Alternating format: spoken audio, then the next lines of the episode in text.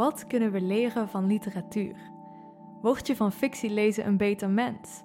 En moeten we eigenlijk wel iets willen leren van fictie? Moet een roman bijvoorbeeld niet vooral ontspannend zijn? Je luistert naar Kluwen.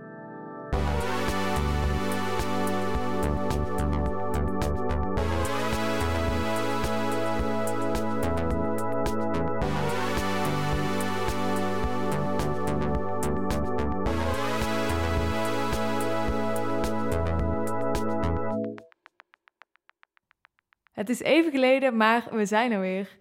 Jezelf opsluiten in een kleine studio met interessante podcastgasten is nu niet direct coronaproof. Toch mochten we op 11 september twee interessante gasten interviewen op de Filosofie Nocturne, georganiseerd door Universiteit Antwerpen. Het is een raar schouwspel. Een kerk vol stoeltjes op anderhalve meter van elkaar.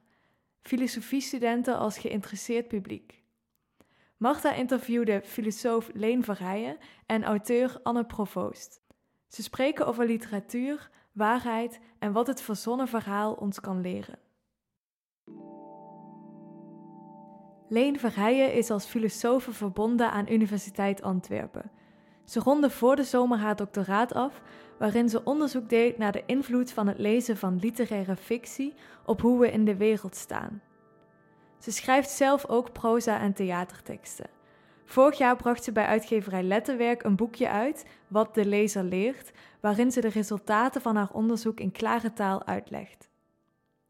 We interviewen ook Anne Provoost, auteur van verschillende romans, kinderboeken, essays en gedichten. Haar werk werd bekroond met onder meer de Gouden Uil, de Zilveren Griffel en de Libris Woutertje Pieterse prijs. Haar werk is in 18 talen vertaald. Enkele jaren terug schreef ze op aanvraag van Filosofiehuis Het Zoekend Hert, ook in Antwerpen, de nieuwjaarslezing. Eerlijk waar, over het desavoueren van het verzonnen verhaal. We laten fictie steeds vaker links liggen, stelt ze daarin. En dat vindt ze helemaal onterecht. Anne, in jouw boek, dus uh, eerlijk waar, over het desavoueren van het verzonnen verhaal, vond ik de volgende quote. Als ik fictie lees, doe ik dat om het te ontspannen. Een verzonnen verhaal lees je om in te vluchten. Je weet toch dat je er weinig van zult leren. Leen, voordat je panikeert, dat is geen quote van jou, Anne, maar dat is uh, een quote die jij plaatst tussen andere quotes van mensen uh, die je opvangt. Mensen die zeggen dat ze eigenlijk niet meer zo graag fictie lezen, dat ze liever lezen wat waar gebeurd is. Leen, jij zou waarschijnlijk ook gaan stijgeren van zo'n uitspraak, want jouw boekje heet Wat de lezer leert. Impliceert dus duidelijk dat we wel iets leren van fictie. Maar wat leren we dan? En vooral ook, hoe is dat leerproces? Dat wil ik eerst aan jou vragen. Ja, dat is een vraag die, die niet zo eenvoudig te beantwoorden is. En, en heel veel filosofen hebben zich daar al het hoofd over gebroken in de afgelopen eeuwen, uh, kunnen we zeggen. Um, wat ik denk dat heel belangrijk is in, in fictie, is het, is het eerste deel uit de quote die je net aanhaalde uit, aan haar boekje. Uh, het zijnde dat je net even afstand neemt van de realiteit. Ik denk dat dat een heel belangrijk aspect is van fictie. Het hele idee dat, je even, dat het net even niet over de werkelijkheid gaat. Um, maar net door het, doordat het niet over de werkelijkheid gaat, uh, krijg je ook een soort mogelijkheid om even afstand te nemen van die werkelijkheid en die werkelijkheid ook weer met een nieuwe blik te gaan bekijken. Um, op, een, op een soort indirecte manier. En een, een heel uh, voor de hand liggend voorbeeld zijn bijvoorbeeld utopische romans of dystopische romans, die je net een heel ander soort werkelijkheid laten zien, maar die net doordat je die werkelijkheid naast onze werkelijkheid gaat leggen, net wel heel duidelijk iets over onze werkelijkheid laten zien. Hm. Um, maar eigenlijk doet doe elk literair werk wel iets gelijkaardig. Um, je krijgt wel een soort van nieuwe manier om naar de werkelijkheid te kijken.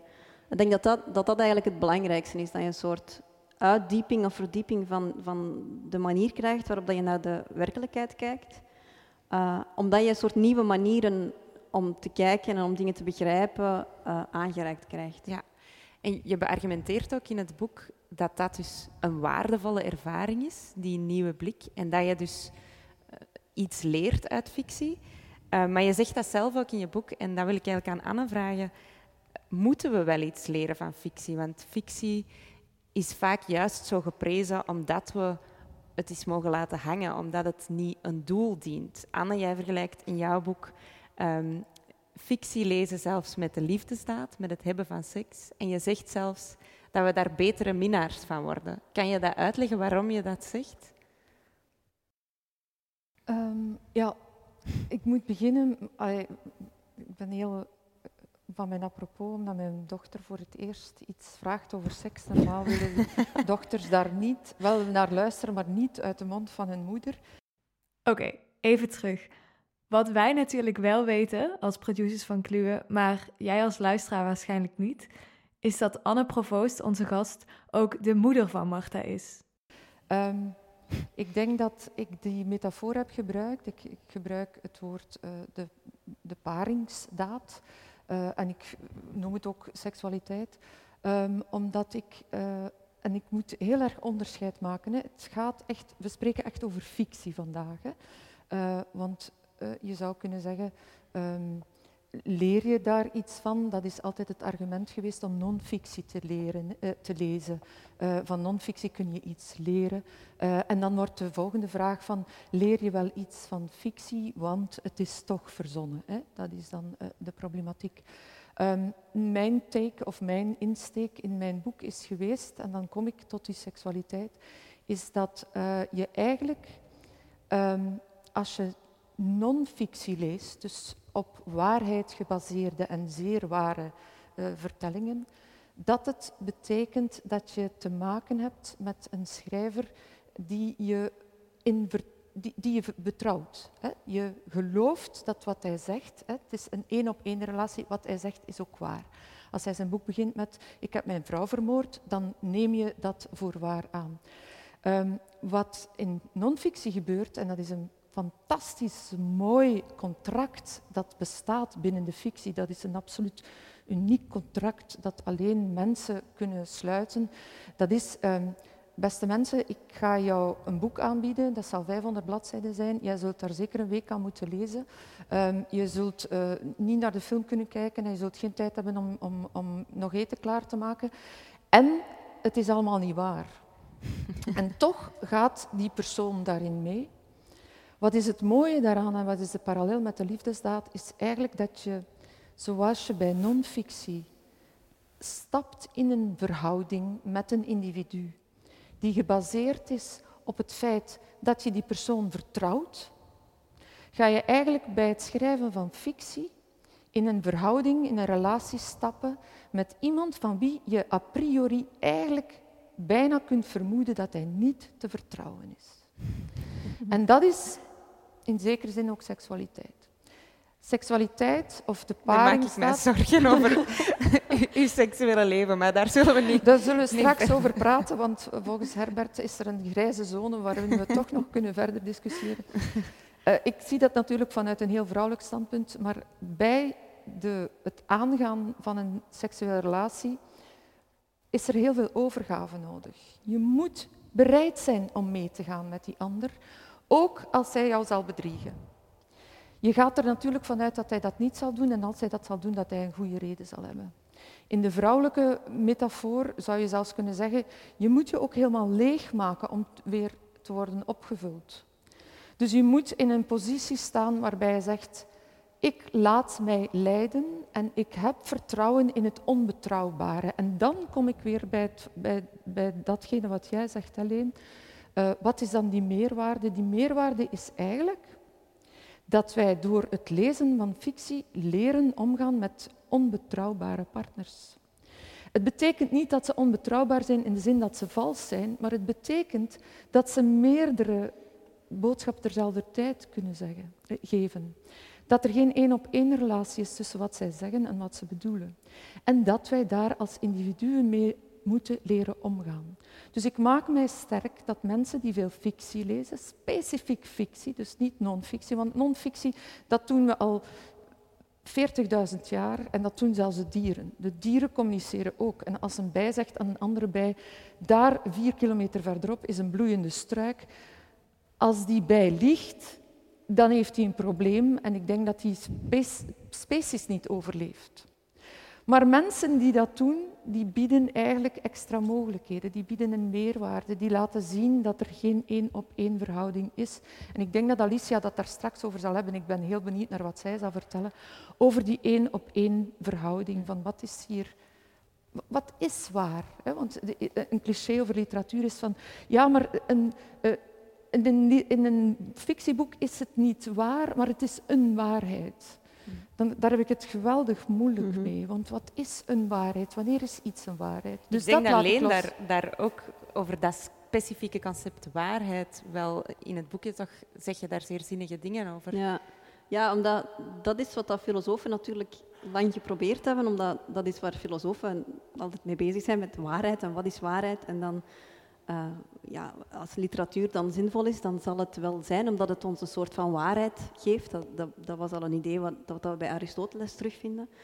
Uh, en dat, dat is een idee wat zich altijd maar heeft blijven herhalen. Plato, die dan voor Aristoteles kwam, die, uh, ja, die verweten literatuur eigenlijk van ja, jullie leiden de mensen weg van de waarheid, want ja, die schrijvers en die, die, eh, die eh, schilders, die, ja, die kunnen dat maar wat verzinnen. En die, kunnen, die schrijvers kunnen misschien heel retorisch heel sterk zijn en daardoor de mensen misleiden. En dan denken die dat ze de waarheid te pakken hebben, maar dat is helemaal niet zo.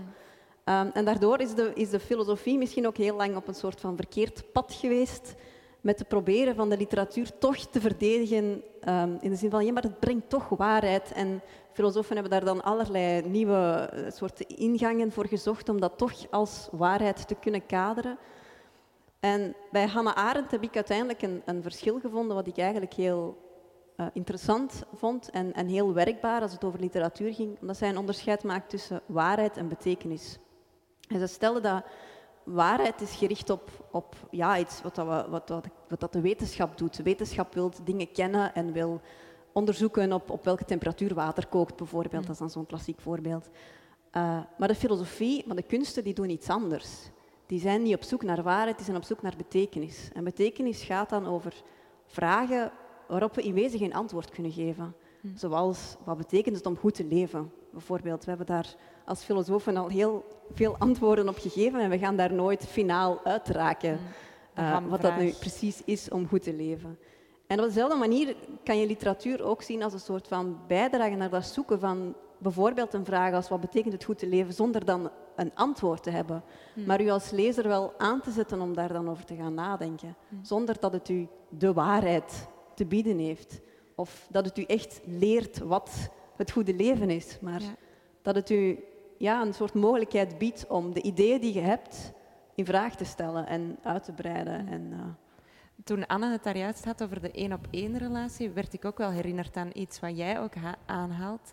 Je gebruikt een, uh, een voorbeeld, daarmee open je het boekje, um, van hoe boeken of literatuur wordt ingezet. Uh, je geeft voorbeelden specifiek in de rechtbank. Dus literatuur, er zijn verschillende casussen die je mhm. aanhaalt, waar dat eigenlijk boeken werden voorgeschreven aan um, verkeers... Ja, er is een, heel bekend voorbeeld in België van, een, van een verkeersrechter die... Uh, of de politierechter die, die een man had opgedragen om Tonio van AFT van der Heijden te lezen nadat mhm. hij al meermaals uh, ja, voor de rechtbank had moeten komen omdat hij zich uh, als, een, als een ware wegpiraat gedraagt op de weg. En hij dacht, hij moet Antonio lezen. Hij moest daar dan een paar maanden later even uh, komen getuigen dat hij het effectief gelezen had. En kreeg dan wat vragen, denk ik, om dan even te checken of het effectief zo was. Ja. En, ja. Antonio gaat over... Dus AFT van der Heijden heeft zijn zoon verloren in een verkeersongeval. En het idee is dan... Dan zal die, uh, die roekeloze rijder wel een soort inzicht krijgen. En dan kom ik terug bij die één-op-één relatie. Want jij geeft daar eigenlijk een veel genuanceerder mhm. antwoord op. Kan jij dat antwoord kaderen? Ja, um, een, een, heel groot deel van mijn, van mijn reserve heeft te maken met het feit dat er nooit bij dat soort theorieën van literatuur maakt ons empathischer en literatuur brengt ons dit en dat bij, wordt gekeken naar de lezer zelf. Dus het gaat altijd over de literatuur en dat boek gaat daarover, dus dat zal er dan wel voor zorgen. Terwijl dat elke lezer een boek natuurlijk op een heel eigen manier leest en daar ook wel in zekere mate het recht toe heeft. Uh, je kunt natuurlijk niet over een boek dat over de kleur rood gaat, om even een heel banaal voorbeeld te geven, zeggen dat het over de kleur groen gaat. Maar een, een, boek nodigt wel altijd uit, een roman nodigt altijd uit om dat op heel veel verschillende manieren te gaan lezen. Het zou dus ook kunnen dat je een roman op een heel andere manier interpreteert dan dat die politierechter dat dan voor ogen had. Dus het is dan niet zo vanzelfsprekend dat dat het effect zal hebben ehm, wat, het, wat het zal hebben. Daar heb ik dan heel veel vragen bij. En los daarvan ga je natuurlijk echt een boek als een soort middel gebruiken. Mm. En dat vind ik wel zeer problematisch, want dat, dat is natuurlijk echt niet waar het boek voor geschreven is. Ja, want eh, eh, het zit al in je woordgebruik. hè. Wat is het effect? Dus je gaat eigenlijk weer zoeken naar effect. Terwijl ik denk dat... ehm, ik zou het kunnen verdedigen, denk ik, om toch Tonio te laten lezen aan iemand die, een, die delinquent verdrag, gedrag vertoont. Maar om een hele andere reden, om die reden waar we het daarnet over hadden, namelijk... ehm, een boek, een, een boek lezen is een relatie aangaan met de schrijver waar zelfverlies voor nodig is. Je wordt eigenlijk verplicht om mee te gaan in de gedachten van iemand anders. Maar het zou ook in dat geval een he- welk boek kunnen zijn. Dus dat het dan specifiek Tonio is, dan heeft dan totaal geen, geen relevantie meer. Maar het is eigenlijk ehm, zoals je bij fictie probeert te zoeken eh, hoe je wijs kunt worden, kun je denk ik bij, wat zeg ik, bij non-fictie kunt zoeken hoe je wijs kunt worden. Kun je bij het lezen van fictie kunnen zoeken, eh, eh, kun je zoeken naar hoe je zot kunt worden. Hoe je brein, het is, het is op, die, op die marge tussen wijs zijn en zot zijn. Hoe je, je, je brein eigenlijk onberekenbaar is. Hoe eh, dat van anderen dat ook niet is. Eh, hoe je ehm, empathie, want empathie komt. uit- Ik, ik, ik volg eh Marta Noesbaum helemaal als zij het heeft over empathie. Maar die empathie die ga je niet eh, destilleren uit wat personages doen eh, en wat, wat je over hen leest. Maar het gaat erom dat je gedwongen wordt door, te, eh, door het lezen van dat boek en door het tot het eind uit te lezen, om eh, naar een kelder af te dalen waar je niet noodzakelijk wil zijn. En die kelder, ik, ik denk dat je die zou kunnen vergelijken met een soort van eh, slakkenhuis. Je weet wel hoe je erin raakt, maar je weet niet hoe je eruit raakt. Dus als mensen bijvoorbeeld zeggen van ja, ik vind het toch wel belangrijk dat we boeken lezen, want boeken die geven geen antwoorden, maar die stellen vooral vragen. Ik ben het daar eigenlijk niet echt mee eens. Ik denk dat boeken veel meer dan vragen een één antwoord geven, een paar mogelijke antwoorden. En dat ze je altijd uitdagen, en ik denk dat ik dat probeer te betogen in het boek, dat ze brengen, doordat ze geen fictie zijn, doordat ze fictie zijn, dus geen waar gebeurd verhaal, heb je niet alleen, word je niet alleen gedwongen om mee te gaan in iets dat is verzonnen, maar word je ook uitgenodigd om je af te vragen als lezer, als ik dit verhaal had moeten vertellen, zou ik het ook zo hebben verteld. Terwijl als iemand een relaas doet van iemand, eh, iets dat echt gebeurd is, ja, dan, dan is daar geen discussie over. Je kunt niet zeggen van oké, ik ga mijn personage nu laten sterven, want in de werkelijkheid is die niet gestorven op dat moment. Terwijl als je een boek leest dat fictie is en dat het ook uitdraagt, want we hebben nu natuurlijk een heleboel hybride vormen, hè, want dat is nu heel erg in, eh, dus de Ja. jaren zestig is dat be- be- begonnen eh, met In Cold Blood. En, en dat, eh, dat gaat altijd maar verder. En een van de betogen, ik open mijn boekje met het feit dat ik merk dat zoveel, zeker mannen, dat verdedigen. Hè. Die zeggen, ja, maar ik lees nog wel fictie, maar het is dan... eh, en dan, zijn het, dan geven ze allemaal voorbeelden van boeken waarbij duidelijk wordt gesteld, hè, Tom Nagels of... eh, eh, Je leert iets. ja, of nee, en het is echt gebeurd. Ja. hè. Het, is- het is het verhaal van Gebaseerd eh, op. Tom Lanois, de titel ontsnapt mij, het dikke boek over zijn moeder. Mhm. Ehm, zelfs, zelfs een Hert, Hertmans die zegt van ja, dat is echt gebeurd met mijn grootvader. Dus die, die, Mhm. die hy- hybride vormen die zijn er allemaal. Maar dat, dat element van zelfverlies als spel, dus eigenlijk dat, dat, meespelen met de Mhm. schrijver, dat is voor mij de rijkdom. Het is eigenlijk een soort van pingpongspel. Van jij zegt het zo, het had ook zo gekund. Ik weet niet of veel lezers zich daar dan van bewust zijn. En ik denk dat eh, als ik dat eh, bespreek met lezers, die zeggen allemaal van ja, maar dat is omdat jij schrijfster bent en jij, jij wil dat boek herschrijven, maar wij zijn gewoon eh, lezers en wij, wij ondergaan het verhaal. Ik, ik wil dat betwijfelen en ik wil, die, ik, ik wil die mensen altijd zeggen van maar onderschat je jezelf niet. Ben je niet voortdurend toch ook, omdat je weet dat het niet echt gebeurd is, jezelf als aan het afvragen van... En dat is suspension of disbelief. Hè. Je zit eigenlijk de hele tijd aan het afvragen van... Huh, moest dat nu zo? Hè? Ik heb een Mhm. boek geschreven, eh, sommige mensen zullen dat boek- misschien kennen, kennen, dat heet Vallen. En op een gegeven moment wordt, dat- wordt daar een voet van iemand afgezaagd. Spoiler. Spoiler alert. Eh, m- eh, iedereen zegt mij altijd van, nee, je mag dat niet vertellen, want eh, dan gaan we het boek niet meer lezen. Terwijl dat ik denk dat dat Mhm. juist is de reden waarom je het boek zou kunnen lezen. Maar er zijn lezers naar mij toegekomen en die hebben echt gezegd van, allee, dat was nu toch niet nodig. Mhm. En dan denk ik van, betrapt. Ja, ja. Jij bent mee aan het schrijven Ja. aan mijn boek. En dat zou je nooit doen met een non-fictieboek. Ja, ik, ik wil teruggaan naar, ehm naar Tonio, maar wel om in te pikken wat, dat- wat jij hebt gezegd. Ehm, je zegt, ik zou het kunnen verdedigen, dat je dus zegt aan iemand, lees eender welk non-fictieverhaal en je zal gedwongen worden om mee te gaan in, een gedachtegang en mee te schrijven aan het verhaal. Ehm,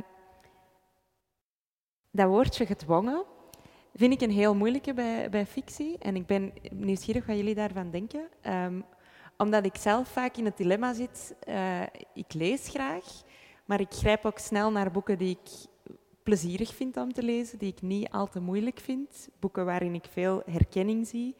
Ehm, is er iets eh, dat mij kan overtuigen om toch dat stemmetje te volgen dat in mijn hoofd zit, dat zegt, je moet Anna Karenina lezen en je moet eh, al uw klassiekers lezen.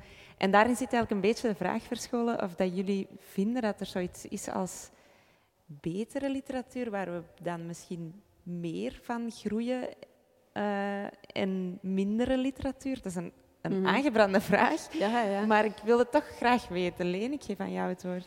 ja, ik mag meteen de, de kolen uit het vuur halen. Zij heeft lang genoeg gepraat. Ehm, i- ja, ik, ik blijf er wel van overtuigd dat er romans zijn. Ik, ik noem dat dan die je meer uitdagen dan, dan anderen. En die het meer waard zijn om gelezen te worden dan anderen.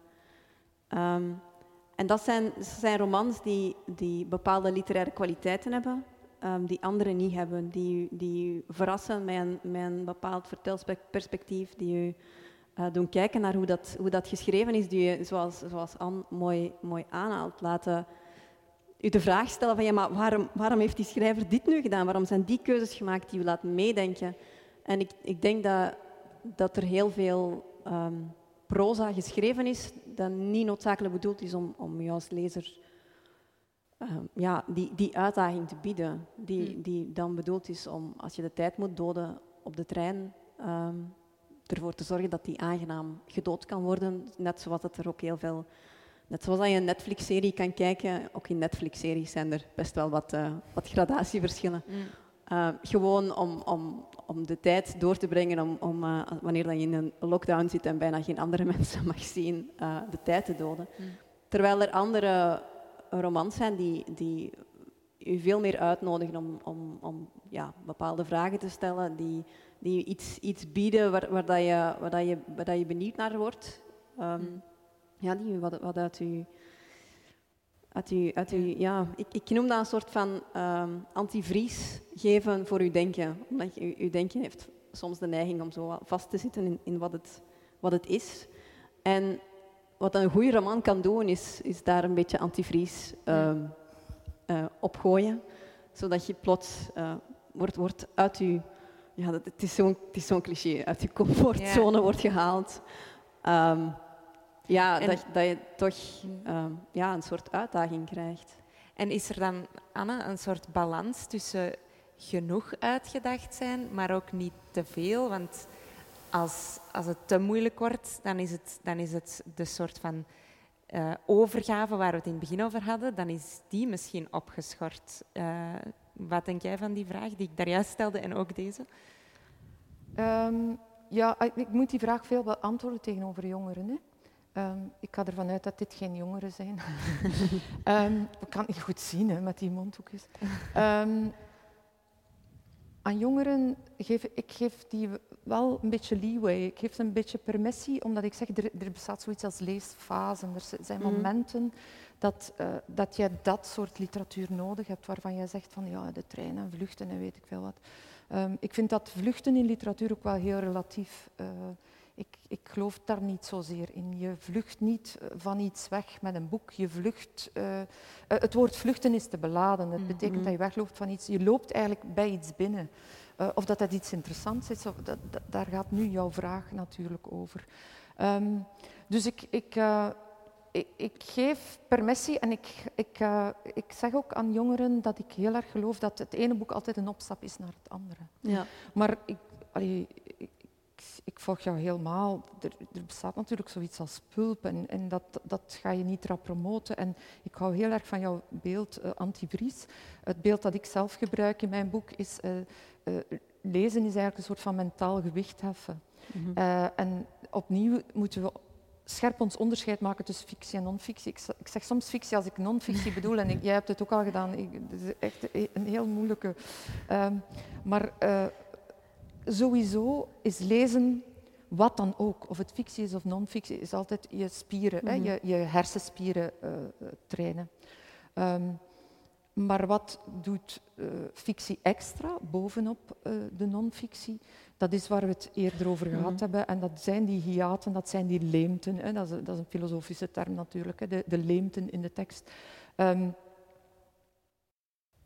daar moeten wij jongeren gevoelig voor maken ja. natuurlijk. Hè. Voor het feit dat je juist uh, dat gesprek aangaat in een boek. Dat je niet iets wil dat dicht gecementeerd is.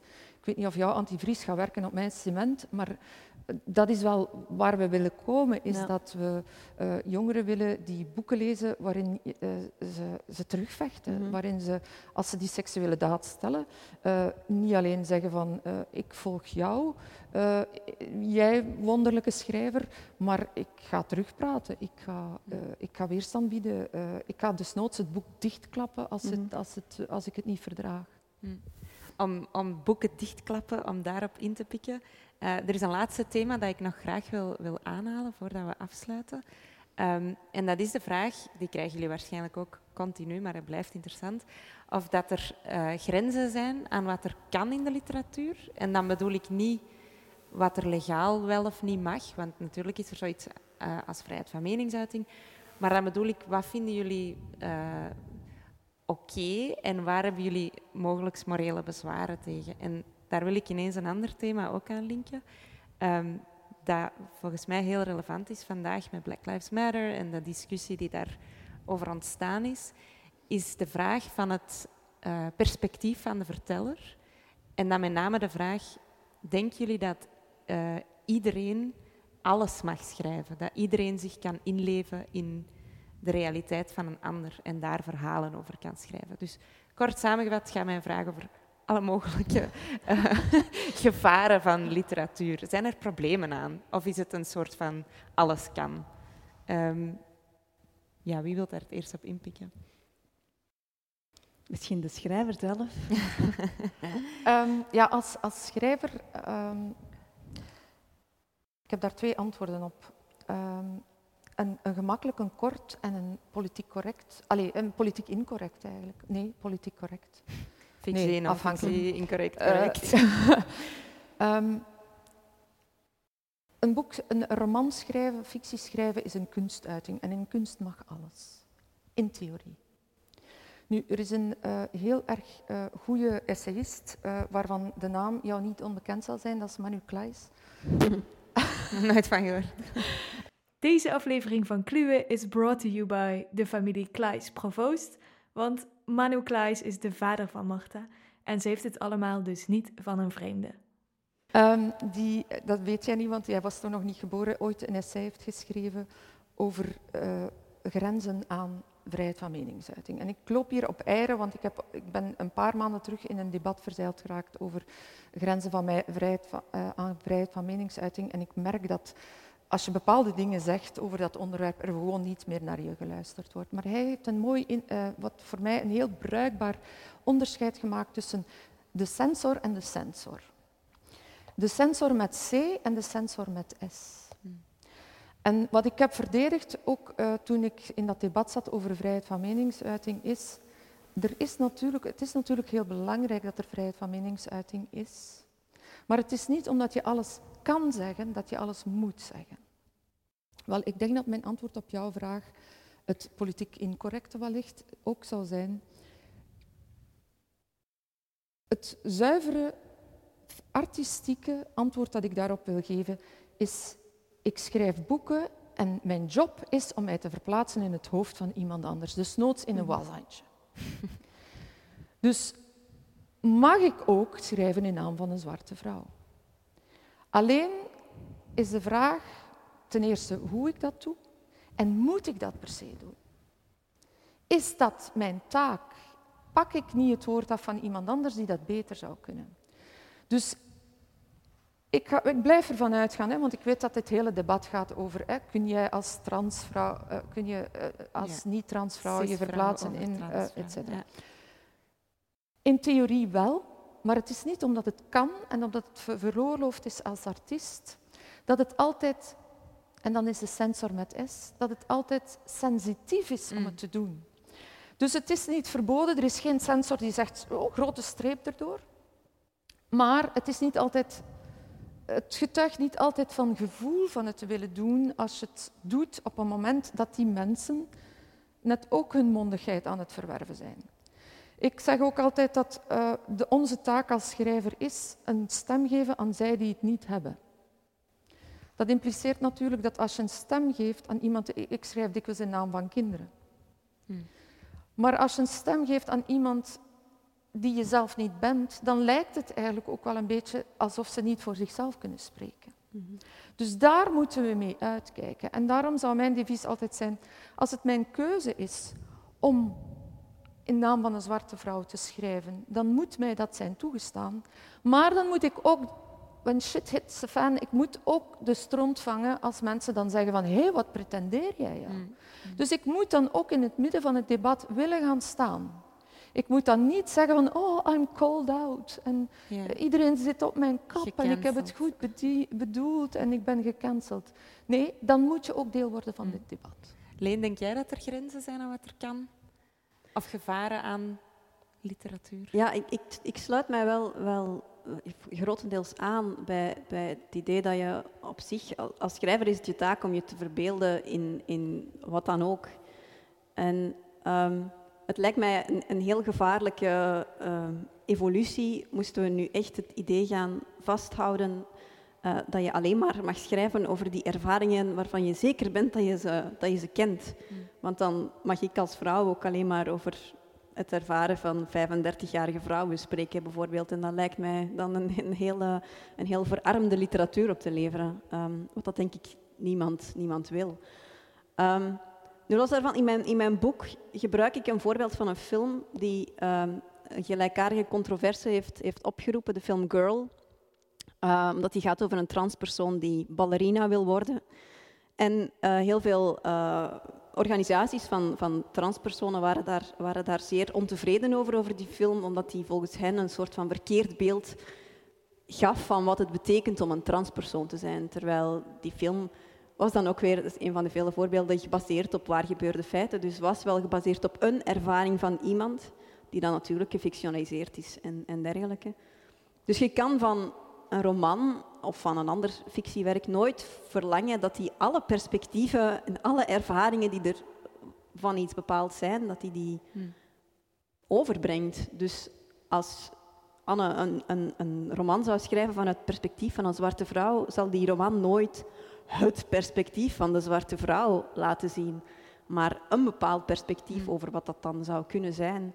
Dus het gaat er vooral om wat dat je dan met het gebruiken van dat perspectief wil bereiken en, en wat voor roman dat je dan wil vertellen en wat dat je daar dan indirect mee, Hmm. mee wil binnenbrengen. Hmm. Je, kan ook, je kan ook een verhaal vertellen over racisme en vreemdelingen met ijsberen bijvoorbeeld. Je hoeft dat niet aan de hand van, van Ja. zwarte personen te doen bijvoorbeeld. Ik ga het mij permitteren om eh, toch nog een laatste vraag te stellen, ook al korte tijd heel erg. Ehm, maar ik ga jullie dan ook vragen om daar erg bondig op te antwoorden. Ehm, ik heb in jullie beide boeken eigenlijk een parallel gezien. Eh, er zijn er vele, maar één ervan is dat jullie allebei, het is een beladen woord, maar een soort bedreiging zien voor de fictie, voor het verzonnen verhaal of voor de literatuur. Ehm, Leen, jij eindigt jouw boekje zo. Jij zegt dat er een grote concurrent is van het lezen en dat is de beeldcultuur. Anne, jij hebt het eerder over die mensen die zeggen ik lees alleen maar fictie, want daar leer ik van. Eh, nu wil ik eigenlijk graag van jullie weten eh, wat dat jullie denken dat de toekomst zal brengen voor de literatuur en hoe die bedreigingen dan zich daarin kaderen. Ehm, dus ik geef jullie elk eventjes het woord. Ehm, ik, ik, dwing mijzelf altijd om optimistisch te zijn. En uh, ik ga ervan uit dat de literatuur en het verzonnen verhaal niet gaat verdwijnen. Um, ik denk ook dat, dat nu de, de lockdown ook net aangaf dat mensen heel veel behoefte hebben gehad aan, aan romans en, en aan te lezen. ik denk dus ook dat heel veel mensen nu het plezier om te lezen ook misschien wel hervonden hebben. Hm. Uh, ik heb toch al getuigenissen gelezen van mensen die plots dan maar dachten van oké, ja, dan zal ik nu maar mijn avonden gaan vullen met een boek te lezen en plots ja, gingen ervaren van ah, dit is eigenlijk wel leuk. Misschien moet ik dit toch wel terug vaker gaan doen. Uh, dus dat, dat, is dan een van de weinige positieve uh, zaken aan heel dat coronavirus misschien geweest. Um, en verder, ja, die, die concurrentie met, met het beeld is natuurlijk heel sterk, omdat ik kan bijvoorbeeld heel moe zijn en niet meer in staat zijn om een boek te lezen en wel nog in staat zijn om twee uur lang in de zetel te hangen en, uh, en tv te kijken. Um, omdat een boek net die inspanning vraagt. Hm. Maar ik denk dat net als mensen die inspanning gaan ervaren als iets fijns, wat dat ik, denk ik echt wel is, uh, dat je daar dan ook net wel de meerwaarde van inziet. Ik, ik geniet zelf veel meer van een boek te lezen dan tv te kijken. Um, en ik, ik, kijk eigenlijk nog heel weinig tv uh, de laatste tijd. Ja. Um, ook gewoon, het is een soort van ontspannende inspanning. Het is een beetje vergelijkbaar met piano leren spelen of zo. Dat, is, dat vraagt heel veel inspanning, en, maar je krijgt daar heel veel van terug en je wordt daar eigenlijk heel rustig van. Mm. En eigenlijk heeft lezen een beetje hetzelfde. Dat vraagt heel veel inspanning, maar dat geeft u wel een soort van rust en ontspanning in de mm. plaats. Okay. ja. Anne, jij? Uh, ik denk dat we inderdaad daar ontdekt hebben, sowieso door COVID, dat we veel meer in ons hoofd zullen moeten leven. Er zullen heel veel meer dingen zijn die we gewoon niet meer fysiek zullen kunnen doen. Uh, zelfs zoenen en, en, losgaan en zo, heel veel dingen uh, kunnen niet meer.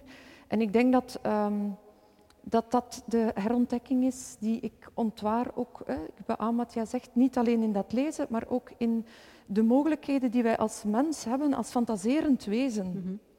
Dat onderscheidt ons waarschijnlijk, maar ik zou daar nog geen uh, uitspraken over durven doen, want er is zoveel wat dieren kunnen. Ik, ik val altijd achterover, maar wat, waarschijnlijk dieren veel minder doen als wij. Um, dat is mijn hoop. Hm. Dat is ook het positieve aan COVID, als we dan toch uh, positief moeten eindigen. Um, COVID-positief is natuurlijk... Hm? heeft een andere connotatie. Nee, nee, maar dat, dat andersoortige positieve is dat we um, terug gaan keren naar ons hoofd. Hm. Want die concurrentie met het beeld is natuurlijk immens. We zijn bedraad om te geloven wat we zien en te wantrouwen wat we horen. Dat is een van de grote problemen met, met fictie, is dat het eigenlijk een verhaal is dat mhm. verteld wordt. Het wordt niet getoond. En dat grote onderscheid, dat is de clash waar wij op botsen en waar wij heel jaloers zijn van filmmakers, want die kunnen de zotste dingen laten zien. En ons brein zegt nog altijd, dit is waar, want ik heb het mhm. gezien. Um, maar die, die mogelijkheid die we dus hebben om ook als we niet op reis te, uh, kunnen gaan, toch op reis te gaan. Als we niet kunnen vrijen met die ene kerel waar we opvallen, dat toch te kunnen doen door daarover te fantaseren. Dat het eigenlijk niet noodzakelijk is om alles te doen. Dat we het ook kunnen doen in onze gedachten. Dat is wat mij op dit moment, de herontdekking daarvan en ook het aanvoelen dat, dat, dat ik niet de enige ben, mm. dat is wat mij nu uh, hoopvol stelt over de literatuur. Dit was Kluwen, een filosofische podcast over de knopen van het mens zijn. Bedankt aan onze gasten en aan Anne Lucassen voor het beeld. Binnenkort zijn we terug met drie afleveringen die we opnemen op het Klimaatfestival in Antwerpen. We gaan het hebben over klimaatongemak, klimaatracisme en de mythe van de groene economie.